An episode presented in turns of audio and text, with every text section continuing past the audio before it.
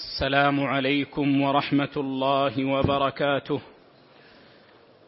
إن الحمد لله نحمده ونستعينه ونستغفره ونعوذ بالله من شرور أنفسنا ومن سيئات أعمالنا. من يهد الله فلا مضل له ومن يضلل فلا هادي له.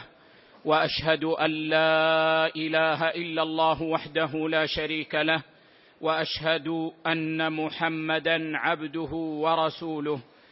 يا أيها الذين آمنوا اتقوا الله حق تقاته ولا تموتن إلا وأنتم مسلمون. يا أيها الناس اتقوا ربكم الذي خلقكم من نفس واحدة وخلق منها زوجها وبث منهما رجالا كثيرا ونساء. واتقوا الله الذي تساءلون به والأرحام إن الله كان عليكم رقيبا. يا أيها الذين آمنوا اتقوا الله وقولوا قولا سديدا. يصلح لكم أعمالكم ويغفر لكم ذنوبكم. ومن يطع الله ورسوله فقد فاز فوزا عظيما. أما بعد فإن أحسن الحديث كتاب الله وخير الهدي هدي محمد صلى الله عليه وسلم وشر الأمور محدثاتها وكل محدثة بدعة وكل بدعة ضلالة وكل ضلالة في النار. ثم يا معاشر الفضلاء يا من اجتمعتم في مسجد رسول الله صلى الله عليه وسلم على تعلم العلم على تعلم العلم والخير. اخلصوا وابشروا واملوا فإن فضل الله عليكم عظيم.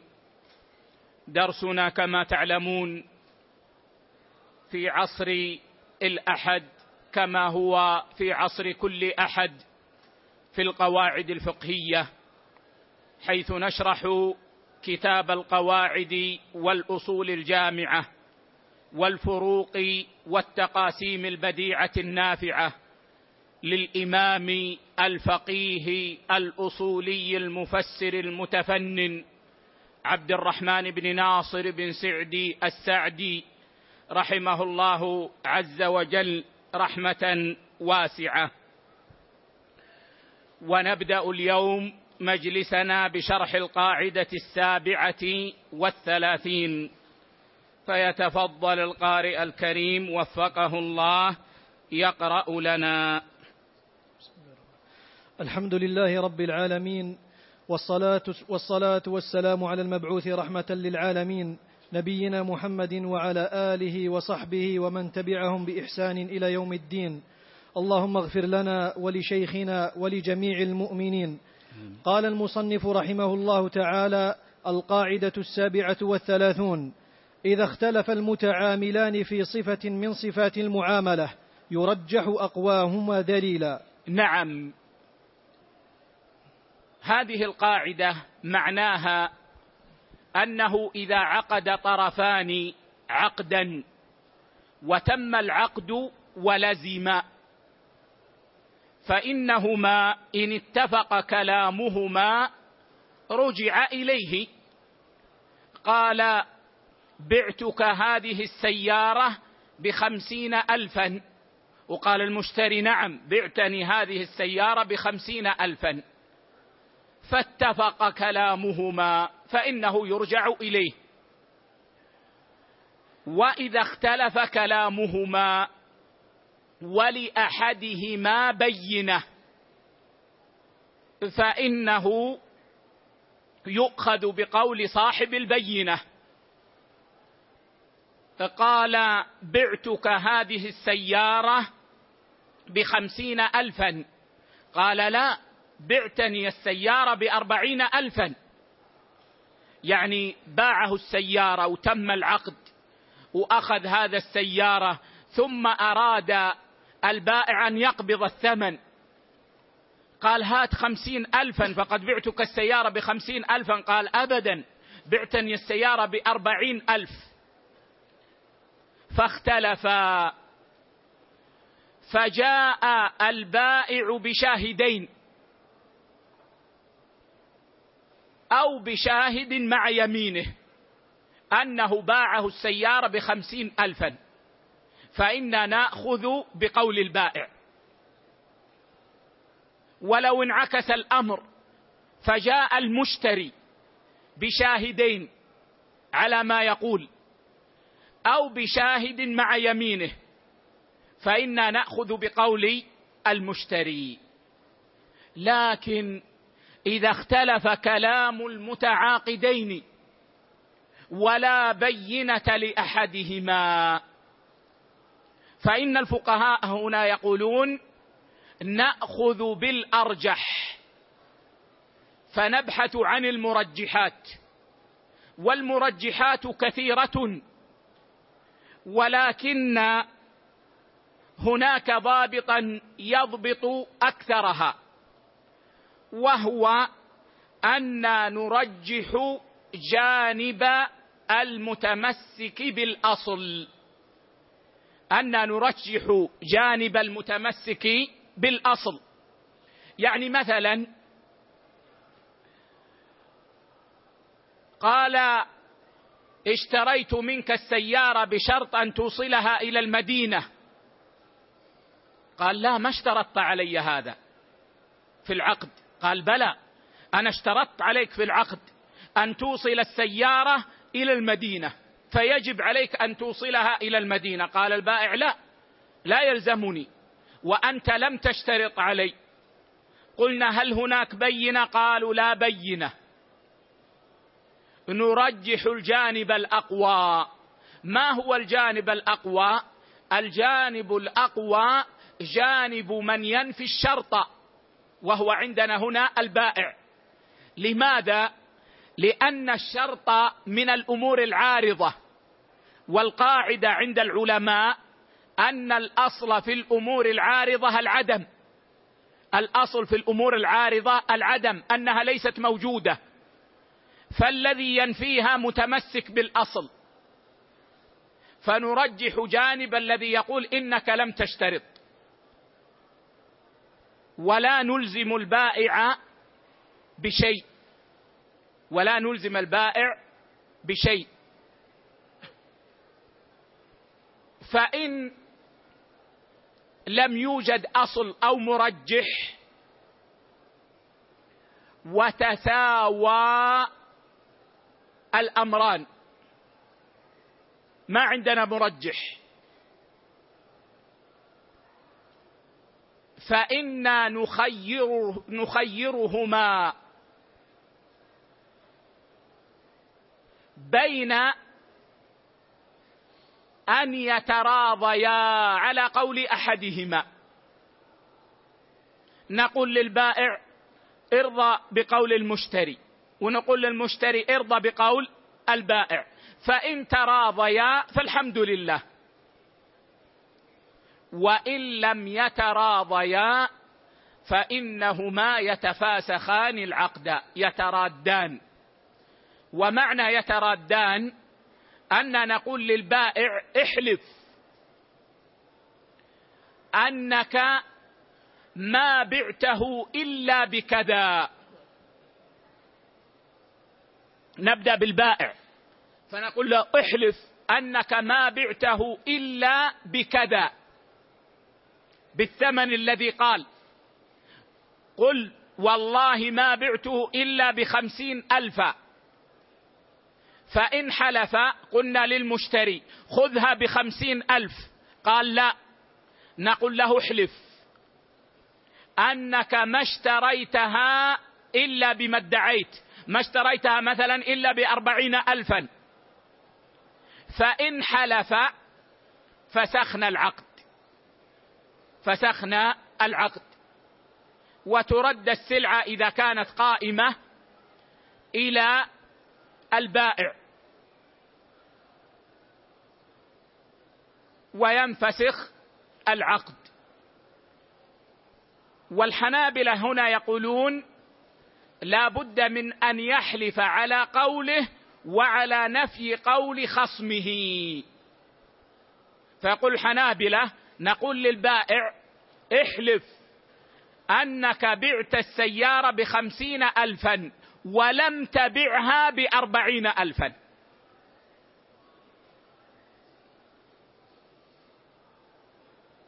ثم نقول للمشتري احلف أنك اشتريتها بأربعين ألفا ولم تشترها بخمسين ألفا. فإذا حلفا فإنهما يتفاسخان ويفسخ العقد. هذا معنى هذه القاعدة. نعم. قال رحمه الله تعالى والترجيحات كثيرة الرجوع إلى الأصول وكثرة القرائن المرجحة. والترجيحات كثيرة الرجوع إلى الأصول. هذا من المرجحات. أن نرجع إلى الأصل. فالذي يتفق كلامه مع الأصل هو الذي نأخذ بقوله. وكثرة القرائن المرجحة. وكثرة القرائن المرجحة. هذا أيضا من الترجيح من المرجحات أن توجد قرائن. ولهذا أمثلة مثلا لو قال بعتك السيارة بخمسين ألف ريال وقال المشتري قبلت. وقال المشتري قبلت. فلما تم العقد جاءه المشتري بخمسين ألف ريال سعودي. فقال البائع لا خمسين ألف ريال قطري. خمسين ألف ريال قطري. والريال القطري أعلى من الريال السعودي. فاختلفا فماذا نرجح؟ قالوا نرجح بقرينة العرف. إن كان العقد وقع في السعودية فهو ريال سعودي. لأن هذه قرينة قوية على أن المقصود بالريال هو الريال السعودي. وإن كانت المعاملة وقعت في قطر فنرجح من قال أن الريال قطري. قول من قال إن الريال قطري. لأن هذه قرينة قوية ترجح أن المقصود بالريال الريال القطري. وهكذا. ومن الأمثلة في غير العقود. لو اختلف اثنان في كتاب. كل واحد يقول هذا الكتاب لي. هذا الكتاب لي. وكان أحدهما طالب علم. له عناية بالكتب. وعنده كتب. وكان الآخر عاميا. لا عناية له بالكتب. ولا يعرف بجمع الكتب. ولا باقتناء الكتب. فإنه يرجح قول طالب العلم. لأن هذه قرائن تدل على أنه صاحب الكتاب. طيب لو اختلف في ثوب ثوب. هذا يقول الثوب لي وهذا يقول الثوب لي. من المرجحات أن نقول للمدعي الأول البس هذا الثوب البسه البسه البس هذا الثوب. لبس الثوب وإذا به على مقاسه. مفصل عليه. قلنا اخلعه البس البس أنت هذا الثوب. البس أنت هذا الثوب. المدعي الثاني. لبسه فإذا به طويل عليه. نرجح جانب من وافق الثوب طوله. لأن هذه قرينة. هذه قرينة. فيعمل بها ما لم يوجد ما يدفعها. نعم. قال رحمه الله تعالى وما أشبه ذلك. ولذلك قال العلماء إذا اختلف, إذا اختلف في شرط أو في أجل فالقول قول من ينفيه لأن الأصل عدمه. وإذا اختلف نعم إذا اختلف في شرط كما مثلنا أو في أجل فقال المشتري اتفقت معك على أن أدفع الثمن بعد سنة. وقال البائع أبدا ما ذكرنا أجلا. يجب أن تدفع الآن. فالقول قول من ينفي الأجل لأن الأصل في الأمور العارضة العدم. فالأصل عدم الأجل. فمن تمسك به وقال به فقوله أرجح. ممن ادعى الأجل. نعم. قال رحمه الله تعالى وإذا اختلف هل كان العيب بعد الشراء أو قبله فالأصل أنه حادث. إذا اختلف في عيب في السلعة هل كان قبل البيع والشراء قبل العقد كان موجودا عند البائع أو حدث بعد العقد فهو حدث عند المشتري؟ وجد في السلعة عيب. لكن البائع يقول العيب حدث عندك وإلا فكانت السلعة سليمة عندي. قال المشتري ابدا السلعة حدث فيها العيب عندك وأنا أخذتها معيبة. يقول العلماء هنا ننظر. فإن وجدت قرينة تدل على أن العيب قديم فإنه يؤخذ بقول المشتري.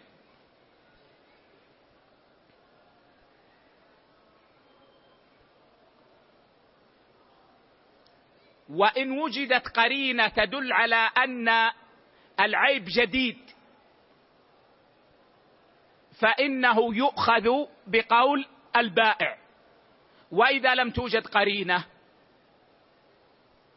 فإنه يرجح قول البائع وهو أن العيب حدث عند المشتري. لماذا؟ لأن العيب أمر عارض والأصل في الأمور العارضة العدم والأصل في الحادث إضافته إلى أقرب أوقاته وأقرب أوقاته في يد المشتري. فنقول للمشتري العيب حدث عندك. إلا أن تقيم بينة على أن العيب حدث عند البائع. فلا نقبل منه أن يرد السلعة بهذا العيب. ونقول إن العيب قد وقع عندك فهو حادث. نعم. قال رحمه الله تعالى وإذا ادعى المشتري أنه شرط أن العبد كاتب أو صانع أو نحوه وأنكر البائع فالقول قول البائع. هذا مثل ما تقدم. الأصل في الأمور العارضة العدم. فإذا ادعى المشتري أنه اشترط أن العبد كاتب يقرأ ويكتب ونفى البائع ذلك فالقول قول البائع. لأنه متمسك بالأصل وهو أن الأصل في الأمور العارضة العدم. وكذلك لو اشترى لو قال المشتري أنا اشترطت في السيارة أن تكون كذا وقال البائع لا لم تشترط. فإن القول قول البائع لأنه متمسك بالأصل وهو أن الأصل في الأمور العارضة العدم.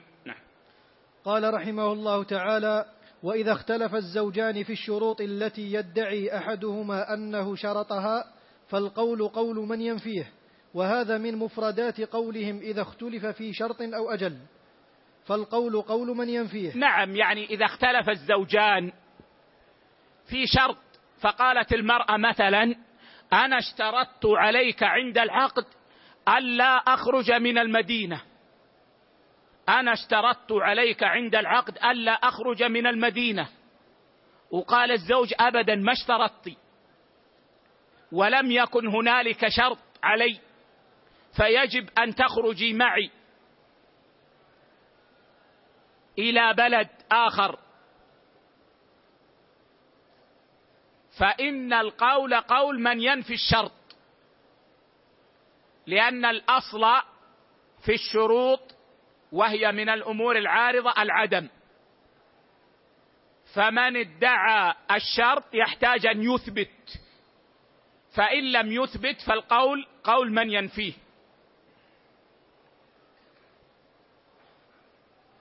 أو قال مثلا الزوج أنا اشترطت عليك أن تعطيني نصف راتبك. اشترطت عليك عند العقد أن تعطيني نصف راتبك. قالت لا ما اشترطت علي. ولا بينة فالقول قول الزوجة التي تنفي الاشتراط. ولا تلزم بشيء وهكذا. نعم. قال رحمه الله تعالى فإن تساوى المتعاملان ولم يكن لأحدهما مرجح تساقطت أقوالهما. كما قلت لكم إن تساوى المتعاملان فلا مرجح. فماذا نصنع؟ نخيرهما. أن يرضى أن يرضى أحدهما بقول الآخر. فإن رضيا فالحمد لله. وإن لم يتراضيا فإن أقوالهما تتساقط فيسقط العقد ويفسخ العقد. نعم. قال رحمه الله تعالى مثل أن يدعي البائع ثمنا كثيرا ويدعي المشتري أقل منه فإنه لا يترجح قول أحدهما على الآخر. فيتحالفان ويتفاسخان إن لم يرضى أحدهما بقول الآخر. نعم. إذا اختلف البائع والمشتري في ثمن السلعة وكانت السلعة قائمة موجودة لم تتلف فهنا عند الجمهور. جمهور الفقهاء منهم الحنفية والشافعية والحنابلة ومالك في رواية نصرها كثير من المالكية إلى أنهما يتحالفان.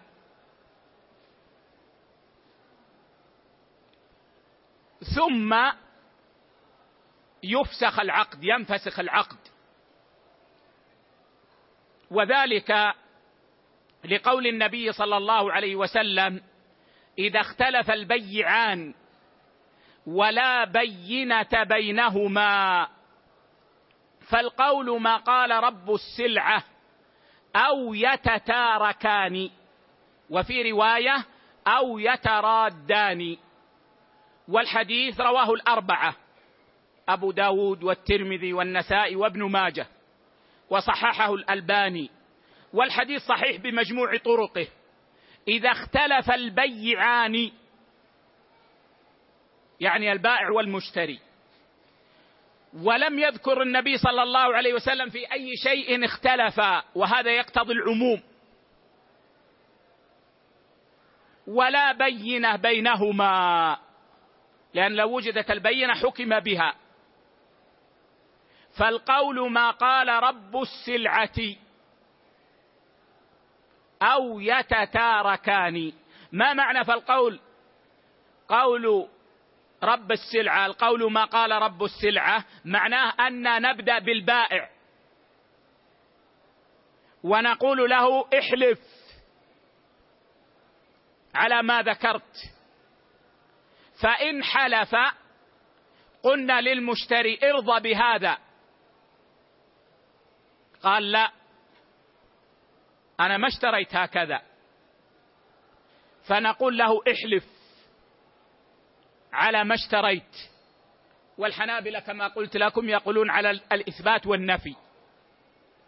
فإذا تحالفا سقط العقد. ويتفاسخان. طيب هذا إذا كانت السلعة قائمة. نقول للمشتري رد السلعة للبائع وانتهى.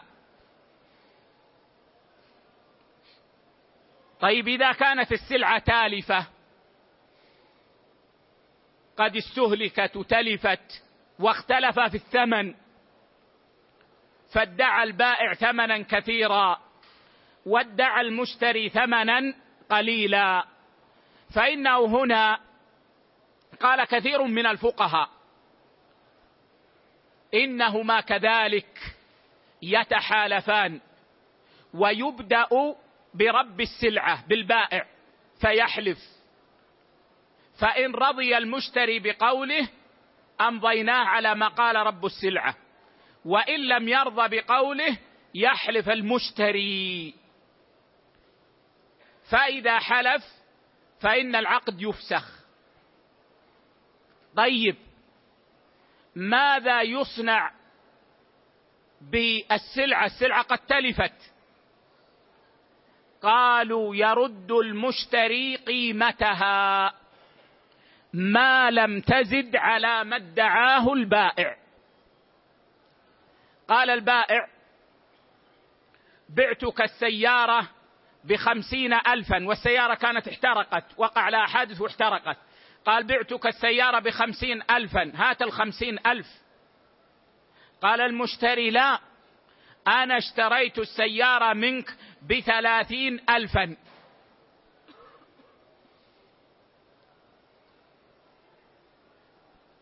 قلنا تحالف فحلف كل واحد. وفسخنا العقد. طبعا البائع ما قبض شيئا. والمشتري قبض السيارة واحترقت السيارة. ماذا يرد المشتري؟ نذهب إلى أهل الخبرة أهل السوق. نقول السيارة التي مواصفاتها كذا وكذا وكذا وكذا. وإن كانوا يعرفونها نقول بكم كانت كم كانت تسوى. كم قيمتها. قال أصحاب الخبرة قيمتها بخمسين ألف. نقول للمشتري أعطه خمسين الفا. قال أصحاب الخبرة قيمتها أربعون الفا. نقول للمشتري أعطه أربعين الفا. قال أصحاب الخبرة قيمتها ثلاثون الفا. نقول للمشتري أعطه ثلاثين الفا. قال أصحاب الخبرة قيمتها ستون الفا. البائع كم يدعي؟ يدعي خمسين. وأصحاب الخبرة قالوا قيمتها ستون ستون ألف. نقول للمشتري أعطه خمسين الفا. لأن البائع يقول أنا ما بعت بستين أنا بعت بخمسين فلا يحل له ما زاد. قال أصحاب الخبرة قيمتها عشرون الفا. المشتري يدعي أنه اشتراها بثلاثين ألف. قال أصحاب الخبرة قيمتها عشرون الفا. نقول للمشتري أعطه ثلاثين الفا. لأن المدعي مقر بالثلاثين ألف. فنقول أعطه هذا. اذا يرد قيمة السلعة ما لم تزد على ما ادعاه البائع أو تنقص عما ادعاه المشتري. هذا إذا اختلف في الثمن. وأما ما جاء عند ابن ماجه من قول النبي صلى الله عليه وسلم فيما روي عنه إذا اختلف المتبايعان أو اختلف البيعان وليس بينهما بينة والبيع قائم. فالقول ما قال البائع أو يترادان البيع. فهذا الحديث وإن صححه الألباني مع هذه الزيادة إلا أن هذه الزيادة ضعيفة والبيع قائم يعني والسلعة قائمة. هذه هذه الزيادة ضعيفة ضعفا بينا. فلا يصح هذا الحديث فنبقى على عموم الحديث اللفظ السابق. إذا اختلف البيعان ولا بينة بينهما. فالقول ما قال رب السلعة أو يتتاركان وفي رواية أو يترادان. فيستوي إذا كانت السلعة قائمة أو كانت السلعة تالفة. نعم. قال رحمه الله تعالى ومثله على الصحيح الاختلاف في عين المبيع. ومثله على الصحيح الاختلاف في عين المبيع. يعني إذا اختلفا في عين المبيع فادعى البائع أنه شيء وادعى المشتري أنه شيء آخر. قال البائع بعتك بخمسين الفا هذه السيارة. والكلام ليس عقدا الآن يا إخوة هو يخبر عن الشيء الماضي. قال المشتري اشتريت منك بخمسين الفا تلك السيارة. إذا اتفق على الثمن لكن اختلف في المبيع.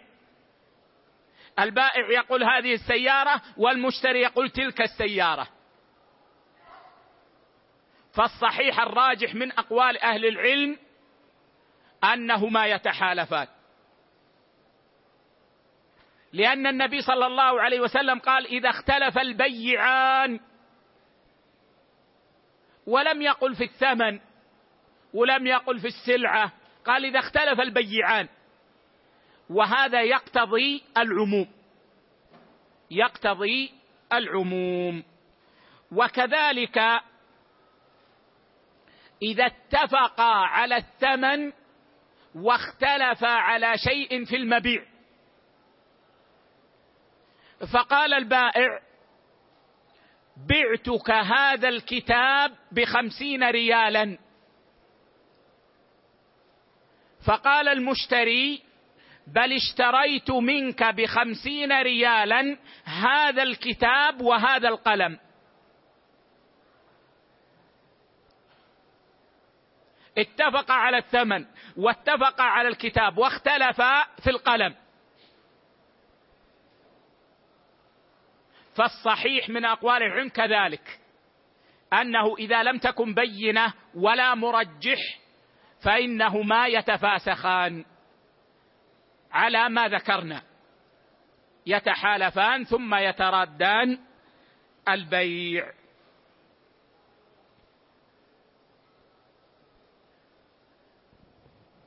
فإن قال لي قائل منكم لماذا يقول العلماء بالأخذ بالمرجحات إذا لم تكن بينة. يعني العلماء قالوا إذا اتفقوا فالحمد لله. إذا اختلفوا أخذنا بقول صاحب البينة. إذا لم تكن بينة أخذنا بالمرجحات. قبل أن نصل إلى مسألة التفاسخ. لماذا أقول لكم؟ لأن الأصل شرعا لزوم العقد. فينبغي أن يحافظ على لزومه ما أمكن. فإن أمكن أن يحافظ على لزومه بالقرائن وجب علينا ذلك وتعين. فإن لم يوجد ما يرجح رجعنا إلى ما ذكرناه عند تساوي الأمرين. نعم. قال رحمه الله تعالى القاعدة الثامنة والثلاثون. إذا عاد التحريم إلى نفس العبادة أو شرطها فسدت وإذا عاد إلى أمر خارج لم تفسد وصحت وصحت مع التحريم ومثل ذلك المعاملة. نعم. هذه يا إخوة هي قاعدة هل يقتضي النهي الفساد التي شرحناها في الأصول؟ فإذا نهى الشرع عن عبادة فهل يقتضي هذا فسادها؟ ومن فعل العبادة على وجه منهي عنه فهل تكون عبادته فاسدة؟ وكذلك المعاملة من فعل المعاوضة والمعاملة والعقود على وجه منهي عنه. فهل هذا يقتضي فساد المعاملة؟ ذكرت لكم يا إخوة أن التحريم أو النهي إن عاد على ذات الشيء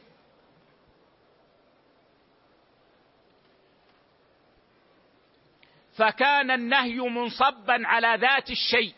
فإن هذا يقتضي فساده بالاتفاق وأنه باطل.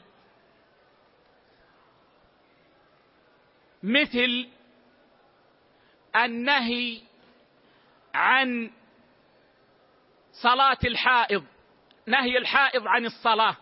فإن هذا نهي عن ذات الصلاة. الحائض منهي عن أن تصلي أصلا. فهذا نهي عن ذات الصلاة. فهنا لو صلت الحائض فإن صلاتها باطلة باتفاق العلماء. النهي عن صوم الحائض لو صامت الحائض وقالت الحمد لله أنا نشيطة وما يضرني الصوم حال الحيض وأريد أصوم مع الناس. وصامت الشهر كله. حتى أيام حيضها صامت. فإن صومها باطل بالاتفاق. ويجب عليها أن تقضي هذه الأيام. وكذلك في المعاملة.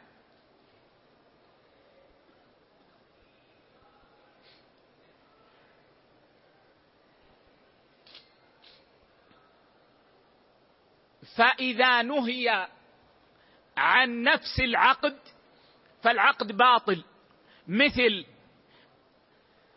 النهي عن نكاح المحارم تحريم نكاح الأم تحريم نكاح الأخت تحريم نكاح العمة تحريم نكاح الخالة. هذا تحريم عن ذات لذات النكاح ونهي عن ذات النكاح. فهو باطل بالاتفاق والعياذ بالله لو أن رجلا عقد على عمته. فهذا عقد باطل باتفاق العلماء. وإذا كان النهي لوصف لازم لا ينفك فجمهور الفقهاء على أن هذا يقتضي البطلان. كالنهي عن صوم يوم العيد. فهذا ليس نهيا عن الصوم وإنما نهي عن أن يصام يوم العيد. فالنهي هنا من أجل يوم العيد. ولكن هذا وصف ملازم فإن يوم العيد لا يتخيل ويتصور أن يكون غير يوم العيد. فيوم العيد هو يوم العيد. ففي هذه الحال عند جمهور أهل العلم من صام يوم العيد فصومه باطل. وتظهر ثمرة هذا يا إخوة في من نذر. شخص قال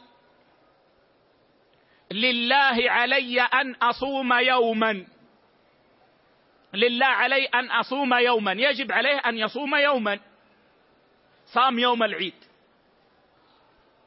صام يوم العيد. الجمهور يقولون صومه باطل ويجب عليه أن يصوم النذر. والحنفية في الجملة يقولون صومه صحيح. ولكن يأثم لأنه أبى ضيافة الله. يقولون إنما نهينا عن صوم يوم العيد ضيافة من الله لنا في ذلك اليوم. فيأثم لأنه أبى ضيافة الله لكن صومه صحيح. والراجح قول الجمهور لأن النهي عن الشيء لوصف لازم كالنهي عن ذاته. أما إذا كان النهي عن الشيء لوصف مجاور وبعضهم يقول لوصف أجنبي.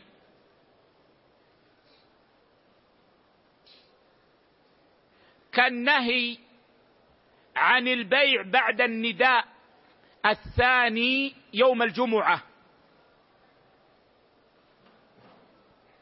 والنهي أو تحريم الصلاة في الدار المغصوبة. أو تحريم الوضوء بماء مغصوب. أو تحريم لبس الثوب المغصوب. هذا متفق عليه على أنه حرام. لكن هل يقتضي الفساد؟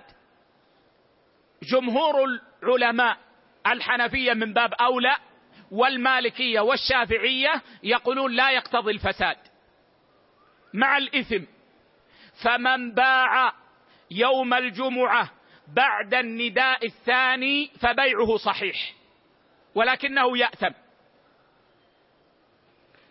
والحنابلة يقولون إنه يقتضي الفساد. فمن باع بعد النداء الثاني يوم الجمعة فبيعه باطل. من صلى وقد توضأ بماء مغصوب.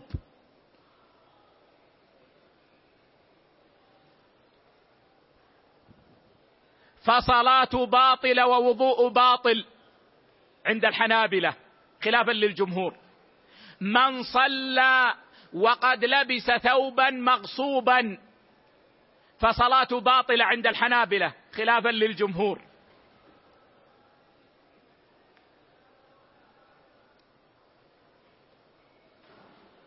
أما إذا كان المنهي عنه مجاورا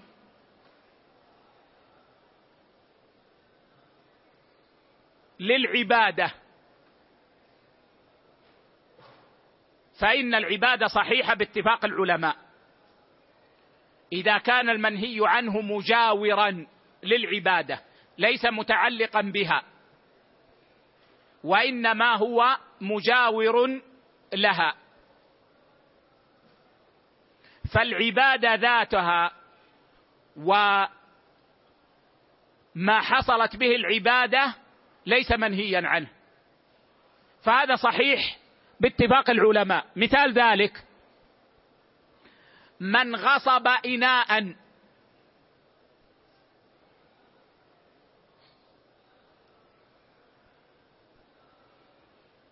فصب فيه ماء مباحا فتوضأ به.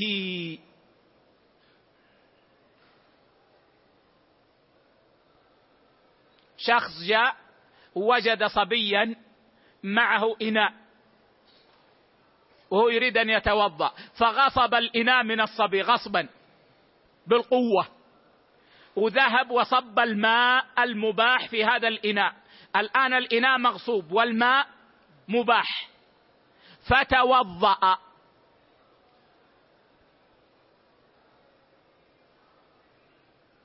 هنا الوضوء بالماء والماء مباح. والإناء مجاور وهو مغصوب. فالوضوء صحيح باتفاق أهل العلم ومن قال ببطلان هذا القول شاذ.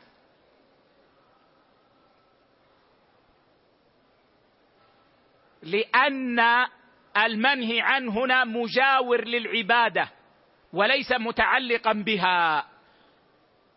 وليس متعلقا بها. أيضا لو أن الإنسان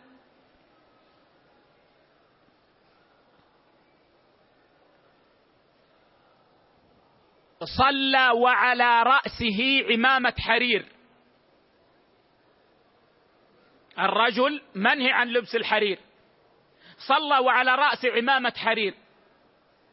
يقولون صلاته صحيحة. لأن هذا مجاور. فهو حامل للعمامة.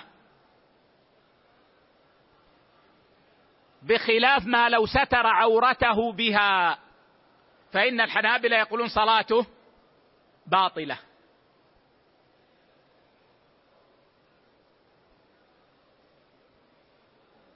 وأنا أرجح قول الحنابلة أن النهي لوصف مجاور أو أجنبي كما عبر به بعضهم يقتضي الفساد. لأن هذا الوصف وإن كان مجاورا إلا أنه مخالط لذات العبادة. عندما يصلي في الدار المغصوبة عندما يكبر فهذا غصب لأنه يعمل في هذه الأرض بعمل عندما يركع عندما يسجد فهذا غصب. فيكون هذا الوصف مخالطا وإن كان مجاورا أو اجنبيا على التعبير. ما الدليل على أن النهي يقتضي الفساد؟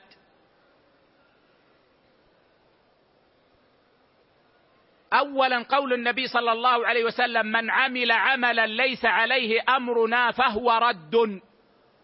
متفق عليه. وهذا في باب السكوت في باب العبادات. فمن عمل عبادة ليس عليها أمر رسول الله صلى الله عليه وسلم فهي باطلة لأنها بدعة. أما في باب المعاملات فالأصل في المعاملات الإباحة. لكن العلماء عندما يحتجون بهذا الحديث المتفق على صحته على أن النهي يقتضي الفساد إنما ينظرون إلى أنه قد ورد عنه النهي وما دام قد ورد عنه النهي فليس عليه أمر رسول الله. صلى الله عليه وسلم سواء في العبادات أو المعاملات. فيقتضي الفساد. فمن باع ما لا يملك نقول هذا ليس عليه أمر رسول الله صلى الله عليه وسلم فهو رد يعني باطل. كما احتج العلماء بأن المعهود عن السلف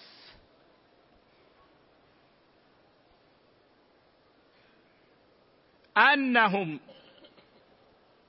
يفهمون من النهي الفساد. أنهم يفهمون من النهي الفساد. فهذا المعهود عن السلف في فقههم.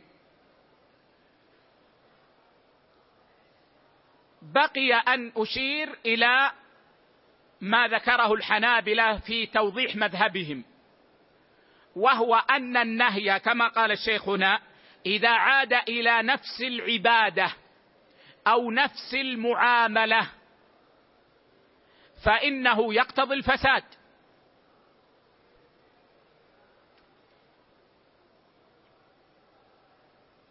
الله حرم الربا. فهذا يعود إلى نفس المعاملة عند الحنابلة. فالعقد الذي فيه ربا باطل. فاسد. وكذلك إذا عاد إلى شرطها أو تعلق المنهي عنه بشرطها. مثل ما قلنا توضأ بماء مغصوب والوضوء شرط لصحة الصلاة فلا تصح الصلاة. لبس ثوبا مغصوبا وستر العورة شرط لصحة الصلاة فلا تصح الصلاة. أما إذا كان النهي عائدا إلى خارج عن العبادة أو المعاملة فليس لذاتها ولا لشرطها ولم يتعلق بشرطها فإنه لا يقتضي الفساد. كذلك ذكرت لكم ضابطا وهو أن النهي إذا كان لحق المخلوق فإنه لا يقتضي الفساد وإنما يوقف على إذن ذلك المخلوق. فإن أذن به ورضي صح وإلا فسخ ورد. هذا معنى القاعدة. نعم. قال رحمه الله تعالى وهذا هو الفرقان بين العبادات الواقعة على وجه محرم لأن التحريم والنهي الشرعي إذا عاد إلى ذاتها أو شرطها عاد على موضوعها ومقصودها بالإبطال وإذا عاد إلى أمر آخر حرم على الإنسان ذلك الفعل ونقص العبادة ولم يبطلها ولم يبطلها. كما قلنا لو صلى وعلى رأسه عمامة حرير أو طاقية من الحرير صلى الرجل على رأس عمامة من الحرير. فهذا النهي فيه لم ينهى عن الصلاة ولم يتعلق بشرط من شروط صحة الصلاة وإنما تعلق بأمر مجاور زائد. فهذا ينقص الأجر لأنه فعل حراما ولكن صلاته صحيحة. نعم. قال رحمه الله تعالى مثال ما عاد إلى نفسها لو توضأ بماء محرم كمغصوب أو صلى في ثوب محرم عالما ذاكرا بطلت طهارته وصلاته أي لم تنعقد. هنا في الحقيقة هذا لم يعد النهي إلى ذاتها. وإنما هذا إلى شرط. إلا أن الشيخ هنا يتكلم عن الوضوء. وشرط الوضوء أن يكون بماء بماء مباح. شرط صحة الوضوء أن يكون بماء مباح.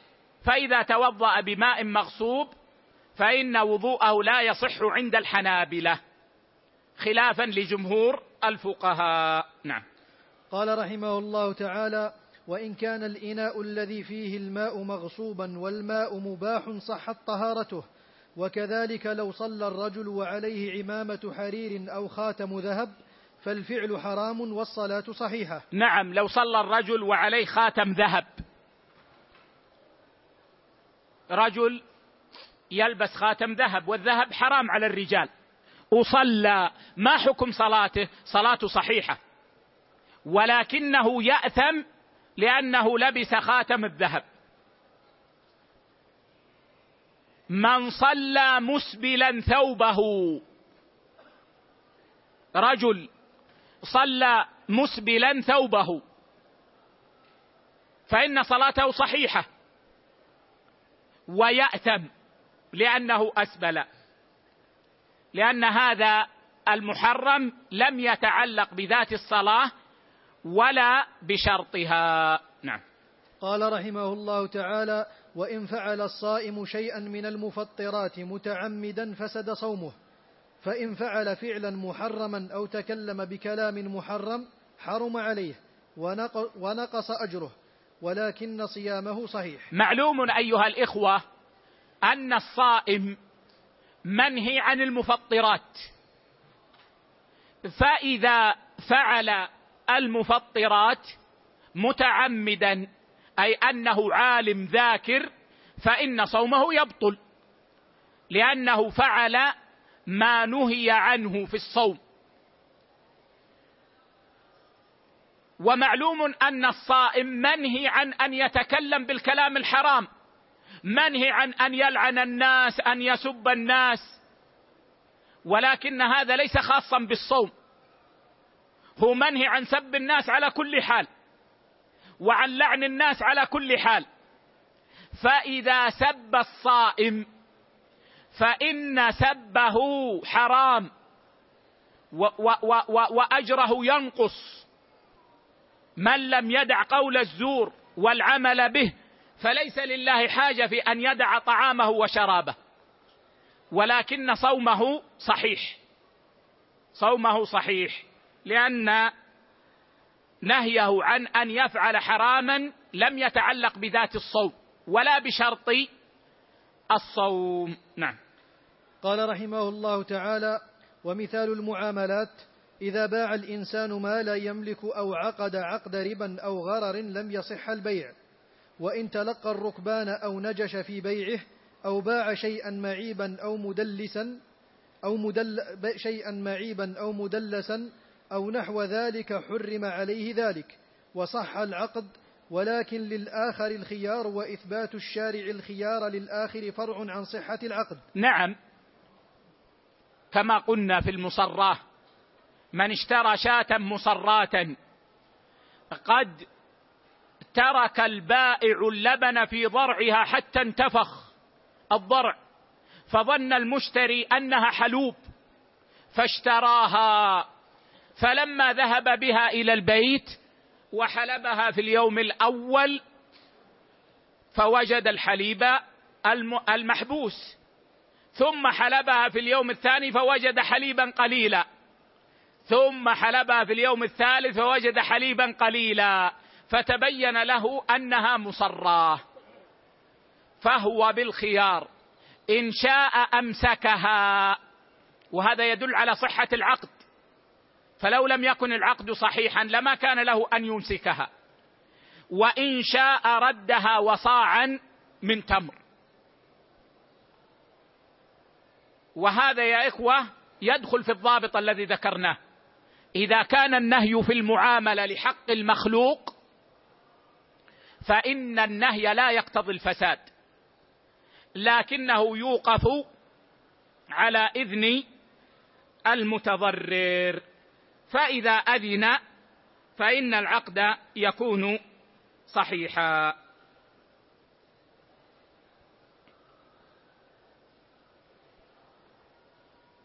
لعلنا نقف هنا ونكمل إن شاء الله في درسنا القادم في الأسبوع القادم بحول الله وقوته ونجيب عن أسئلة الإخوة. وأنبه الإخوة إلى أنه غدا الاثنين ليس عندنا درس. غدا الاثنين ليس عندنا درس وإن شاء الله نجلس يوم الثلاثاء بحول الله وقوته في شرح صحيح الترغيب والترهيب. نعم. أحسن الله إليكم شيخنا وبارك فيكم وأجزل لكم الأجر والمغفرة والثواب. آمين. شيخنا بارك الله فيكم. بقي فيما يتعلق في النهي عن حق الله سبحانه وتعالى. هذا هو الذي تقدم في القاعدة. هو الذي تقدم في القاعدة. نعم. أحسن الله إليكم شيخنا هذا سائل يقول ما حكم قولي عاجلا غير آجل في الدعاء؟ لا بأس. لا بأس. أن تطلب أن يتفضل الله عليك بفضله عاجلا غير آجل هذا لا بأس به. وقد ورد في الاستسقاء. نعم. أحسن الله إليكم شيخنا. هذا سائل يقول من سرق الماء بنية إرجاعه في المستقبل هل تقبل صلاته؟ من سرق الماء فتوضأ بماء مسروق فهو كمن لم يتوضأ على الراجح من أقوال أهل العلم. فوضوءه باطل وصلاته باطلة حتى لو نوى أن يرده بعد ذلك. فإنه لا ضرورة. فإنه إذا كان لا يملك الماء يتيمم. فلا ضرورة حتى نقول إن المضطر يجوز له أن يتناول ما اضطر إليه على أن يضمنه. لكن لو فرضنا أنه كان عطشان حتى خاف على نفسه الهلاك وليس معه نقود الآن. وطلب من صاحب البقالة من رجل أن يعطيه ماء فأبى. له أن يأخذ هذا الماء ويشربه ولكنه يضمن قيمته لأن الضرورات تبيح المحظورات والاضطرار لا يسقط حق الغير. نعم. أحسن الله إليكم شيخنا هذا سائل يقول ما حكم التوضؤ بماء زمزم الموجود في الحرمين؟ لا بأس. وإن كان الأولى أن لا يتوضأ المسلم بماء زمزم ويترك ماء زمزم للشرب لكن إذا توضأ به فلم يفعل حراما ووضوءه صحيح على الراجح من أقوال أهل العلم. نعم. أحسن الله إليكم شيخنا هذا سائل يقول إذا صلى في ثوب مغصوب وتحته ما يستر العورة فهل تصح صلاته؟ لكن بالنسبة للوضوء بماء زمزم إذا نهي عنه الإنسان يعني مثلا لو أن إدارة الحرمين قالت مخصص للشرب وقد وضعت أماكن للوضوء فلا يجوز أن يتوضأ منه لا لذات الماء وإنما لأن الذي أوقفه هنا قد اشترط وجعله للشرب فلا يجوز أن يتوضأ منه ويتوضأ من غيره. نعم. أحسن الله إليكم شيخنا هذا سائل يقول أخذت سيارة, الأجرة سيارة أجرة من الحرم إلى الجامعة ولم نتفق عن الثمن فهو طلب فأنا أعطيته خمس ريالات وهو طلب عشر. المرجع إلى ما جرى به العرف. لو أنك ركبت سيارة ولم تشارط صاحبها على الأجرة فإنه يرجع إلى الأجرة المعتادة. كم يأخذ أصحاب السيارات في العادة من الطالب من الجامعة إلى المسجد النبوي؟ إذا كانت العادة خمس ريال فالذي يلزمك خمس ريال. إذا كانت العادة أكثر فالذي يلزمك هو الأكثر. لو دخلت إلى حلاق وكشفت رأسك وقلت احلق رأسي وبدأ الحلاق يحلق ويتحدث معك حتى فرغ لما فرغ أعطيته عشر ريال. قال لا بعشرين. قلت له لا الناس كلها تحلق بعشرة. قال لا أنا أحلق بعشرين. هات عشرين يلزمك عشرة. يلزمك عشرة فقط. لأن هذا هو الذي جرت به العادة. ولو كان الحلاق يريد أكثر يجب عليه أن يبين لك قبل الحلاقة. لأنه يخالف العادة. لو كان هذا الحلاق يأخذ عشرين يجب عليه قبل أن يحلق لك أن يقول لك الحلاقة عندنا بعشرين. فإن لم يقل فالمرجع إلى العرف. ويلزمك ما جرى به العرف والعادة. نعم. أحسن الله إليكم شيخنا هذا سائل يقول إذا اختلف وفسخ العقد وكانت السلعة قد استعملت أو ذهب بعضها أو كلها فما هو الحل؟ الخراج بالضمان ما يستعمله المشتري قبل الرد فإنه لا يطالب فيه بشيء. لماذا؟ لأن السلعة لو تلفت عنده قبل أن يردها فإنها من ضمانه. ولذلك وقع في زمن النبي صلى الله عليه وسلم أن رجلا باع عبدا لرجل فوجد فيه عيبا فرده إليه. فقال البائع يا رسول الله قد استغل غلامي.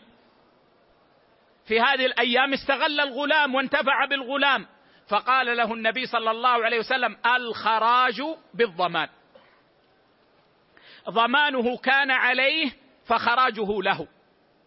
فلو أنك اشتريت سيارة وسافرت بها إلى مكة واعتمرت ورجعت فوجدت بها عيبا كان موجودا عند البائع فلك أن تردها.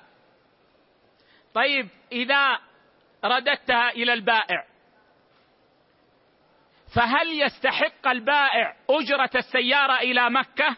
الجواب لا.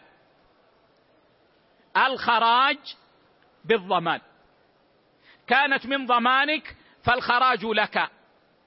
وترد السلعة وتأخذ الثمن الذي دفعته. ولعل في هذا كفاية. والله أعلم. وصلى الله على نبينا وسلم.